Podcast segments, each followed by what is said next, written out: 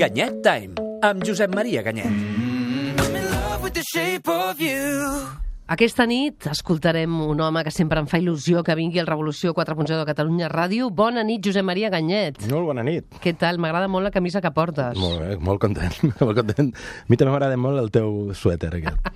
És un home elegant, eh? El Ganyet, eh? És un enginyer amb estil, ben bicicleta, a la ràdio. Escolta, parlem molt d'intel·ligència artificial, sovint com un reclam publicitari, Massa i sempre sovint. acabem amb els robots que ens substitueixen. Avui ens vols parlar. Pot passar, perquè estem fent un gra massa i sempre estem amb aquesta frase. Ah, ens trauran la feina, no ens la trauran, veritat, mentida. Eh, Vagi per endavant de que parlar del futur és, és complicat. Eh? El, el, uh, hi ha la frase aquella típica que fer prediccions és especialment complicat, eh, especialment si són del futur. Eh? I llavors, uh, tenim tots els números per equivocar-nos, no sabem el que passarà, ens trauran la feina, no? I en cas que ens la treguin, eh, és bo, és desitjable? Home, jo penso que sí. Al final, si ens treuen la feina, eh, la visió que jo tinc de la tecnologia és que com més aviat ens quedem sense feina, com més aviat els robots, les màquines, eh, ens treguin les feines que per nosaltres són de robots o de màquina, més aviat ens podrem dedicar a ser humans de veritat. O sigui, la tecnologia... ens Però hem de seguir treballant, no?, per tenir diners. Mm, Sí, aquest és un debat molt interessant Home, eh, i no fa massa al 30 minuts eh, Parlava de la renda pla- plantejava bàsica. la renda bàsica universal. Al final, eh, que segueixi treballant qui vulgui, qui vulgui i qui pugui aportar perquè hi ha moltes feines que són avorrides, repetitives o directament degradants que les faria molt millor, molt més a gust, una màquina. I la persona que no l'hauria de fer estaria més contenta i la màquina la faria millor. I tindria una renda universal i viuria l'oci, viuria la cultura i viuria les relacions i no caldria que treballéssim tant. El gran repte és tots aquests beneficis que ens pot arribar a portar la, la tecnologia, no estic parlant de futur, no estic parlant de què passi, és un futurible, com els repartim? Eh? És a dir, com, com fem que tot això, aquest benestar que eventualment pugui generar, arribi a tothom. La renda bàsica universal és un sistema, jo crec que és un bon sistema. Els casos que he estudiat i amb la gent que he parlat, eh, directament responsables d'algun dels pilots de renda universal eh, bàsica arreu del món, doncs eh, m'han convençut de que això és així. Eh, això mm, estaria molt bé, eh? perquè a més a més té efectes secundaris molt interessants. Si tu fas la feina que realment t'agrada, ets molt més productiu, tu passes molt bé, et sents més realitzat i per tant guanyes més diners. Uh -huh. Eh, si tu ets un dropo i no fas No t'agrada la no la feina que fas o la feina en general, surt i deixa el teu, el teu lloc de treball amb algú que sí que, la, que pugui contribuir. Si tu vols passar el dia bevent cervesa i jugant a la Play, mira, podràs viure dignament, no seràs ric, eh? però podràs viure Però- dignament. I deixar espai als I altres. deixa espai als altres. Avui ens vols parlar de la singularitat. Uh, mm. Què és aquesta singularitat que tu dius? Uh, M'expliques? Singularitat tecnològica? Sí, això està relacionat amb el, amb el fet... eh, És una mica... A mi aquest terme no m'agrada gens, de fet, le, le, en vull parlar per, per una mica carregar-me'l. Eh, La singularitat tecnològica és la que alguns teòrics o alguns futuròlegs diuen que arribaran al moment de que els ordinadors ens superin en capacitat d'intel·ligència. És dir, quan la intel·ligència, sigui el que sigui això, dels ordinadors sigui superior, igual o superior a la nostra. I en diuen singularitat perquè és un punt singular en la història, canviarà la història, només passarà una vegada, i a partir d'aquí no sabem què pot passar. És un terme encunyat al 93 per l'escriptor de ciència-ficció Bernard Binge, i es basa en aquesta acceleració del progrés tecnològic, d'acord? Uh, Uh, jo tinc els meus dubtes de que això arribi, de que arribi tan aviat, alguns pronostiquen 2030, 2035, 40, eh? les prediccions sempre es fan a 20 anys vista, perquè eh, sembli que són prou a prop com perquè et puguin afectar i prou lluny com perquè quan veguis que no s'han complert ningú se'n recordi. Eh? Això també passa, eh? Sí, sempre, a 20 anys Sí. sí. vista, eh? si heu de fer alguna cosa, diu, això passarà d'aquí 20 anys, ningú se'n recordarà.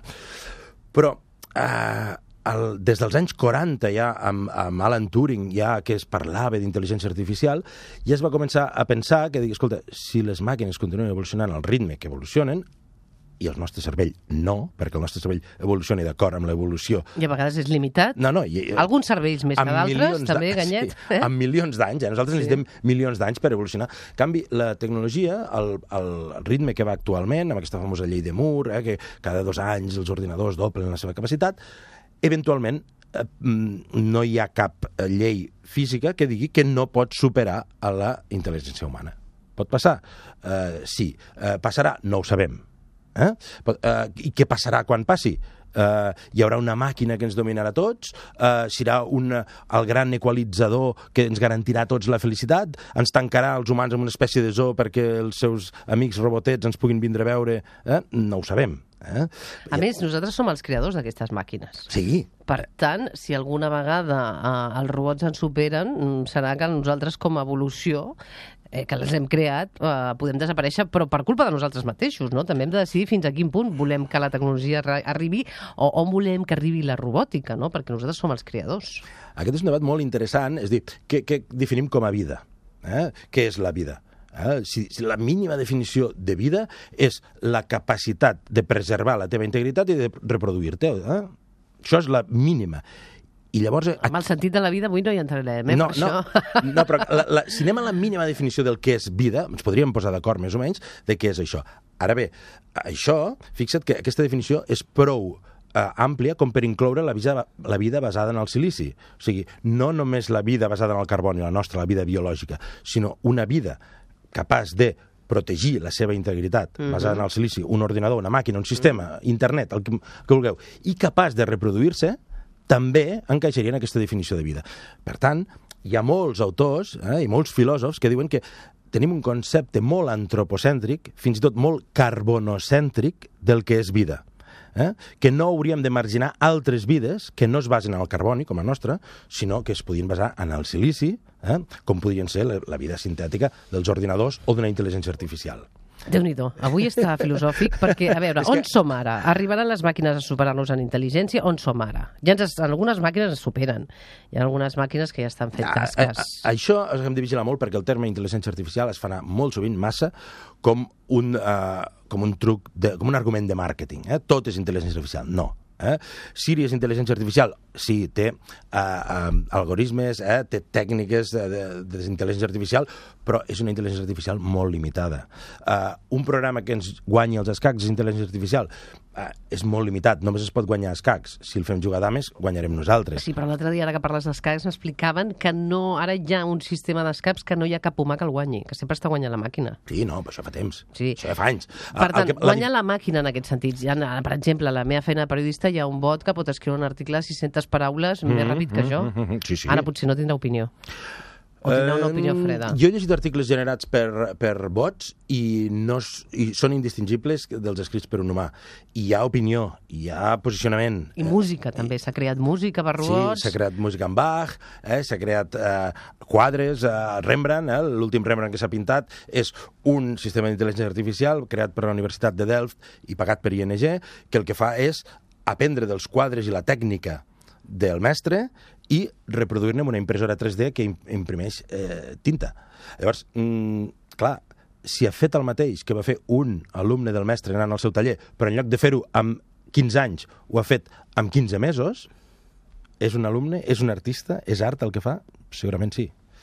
Llavors, a, a veure, estem... En, en algunes feines sí que jo crec que ens substituiran, eh? No, a veure, amb- En tasques. Sí, amb- Més que en feines, en tasques. Primer que tot, hem de parlar de tasques i segon, no hem de parlar d'intel·ligència perquè la intel·ligència és un terme molt difús, n'hi ha de molts tipus d'intel·ligències i hem de parlar de capacitats. Eh? Hi ha màquines capaces de jugar escacs molt millor que els humans. Això vol dir que aquella màquina és més intel·ligent que un humà? No. Vol dir que és més capaç que un humà en la tasca molt específica de jugar escacs. Saps que l'altre dia em van dir, a riure a Ganyet, que hi haurien robots que no sabrien imitar cambrers? No, no té l'habilitat de, sab de saber portar? És a dir, per exemple, és difícil que hi hagi robots cambrers? Eh, molt important aquest tema. Ai, que sí? és molt difícil per exemple, robots cambrers, robots perruquers, robots collidors de fruita, robots jardiners, eh, robots eh, que, que treuen la pols de casa. O sigui, totes les feines que són fàcilment repetibles i molt repetitives són automatitzables. Les feines que requereixen adaptar-se a l'entorn amb situacions canviants, O tocar, de no? llum, Vestir una persona gran, vestir una persona gran, eh, donar-li de menjar, i s'ha de vigilar això. plegar una tovallola. Plegar una tovallola hi ha robots que pleguen tovalloles, però està de l'ordre de 8 vegades més que un humà. Clar, A mi m'aniria bé, eh? un robot que em Sí, plegués sí, la sí. roba i la tovallola. Això m'agradaria molt. Això, això és important, aquest, aquest debat és molt important per saber quin tipus de feines són eh, més possiblement, eh, són més fàcil que siguin substituïdes per una màquina o per un sistema, eh, que no pas, no ens hem d'imaginar Terminators, eh?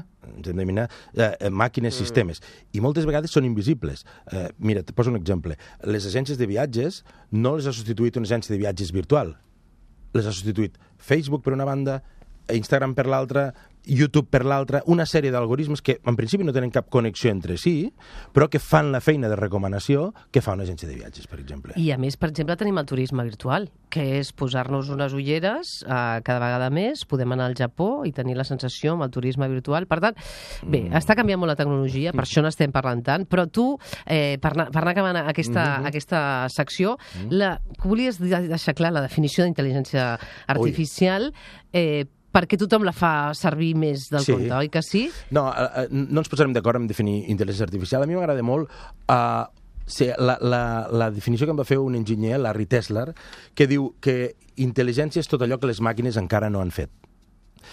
I això és molt interessant, perquè tu dius, ostres, jugar a escacs fins fa 30 anys era una tasca molt intel·ligent, havia de ser molt intel·ligent. Mm. O es creu que la gent que jugava molt bé a escacs eren molt intel·ligents. En el moment que un ordinador passe a guanyar els humans jugant a escacs, bueno, doncs potser no calia ser tan intel·ligent per jugar a escacs. Això ja no és intel·ligència artificial, ja està superat. O sigui, a mesura que la, les màquines, els, la intel·ligència artificial, va adquirint capacitats, aquelles capacitats, diem, bueno, potser no calia tanta intel·ligència per fer-les, no? I llavors aquesta, aquest, eh, aquest d'allò que intel·ligència artificial és tot allò que les màquines encara no saben fer, és, Clar. és molt interessant, perquè Molt ens, ens obliga a redefinir-nos constantment a nosaltres com a humans i com a sers intel·ligents. M'agrada molt aquestes converses amb Ganyet, pensant el que podrà passar. Nosaltres, els humans, anem a cada vegada inventant més tecnologia i no sé si, Ganyet, d'aquí uns anys en parlarem, si al final els humans direm prou de tecnologia perquè potser no ens va tan bé. No ho sé. Això també serà una reflexió que haurem de fer d'aquí uns anys. No, no, jo dic, molta tecnologia, com més millor, i que ens ajudi a ser més humans. Que ens ajudi a ser més humans. Veurem. Veurem si ens trauran o no la feina, veurem què passa. Gràcies, Ganyet, un plaer, com sempre. Molt bé, adeu.